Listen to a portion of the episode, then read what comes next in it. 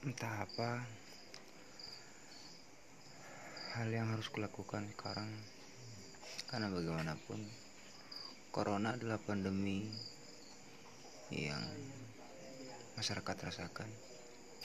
Pemerintah berbondong-bondong merencanakan sesuatu untuk bagaimana rakyatnya bisa makan dalam keadaan tanpa ada kerjaan kena PHK dan memang orang yang terbatas untuk mendapatkan uang tapi dengan keuangan yang terbatas justru akan menjadi polemik.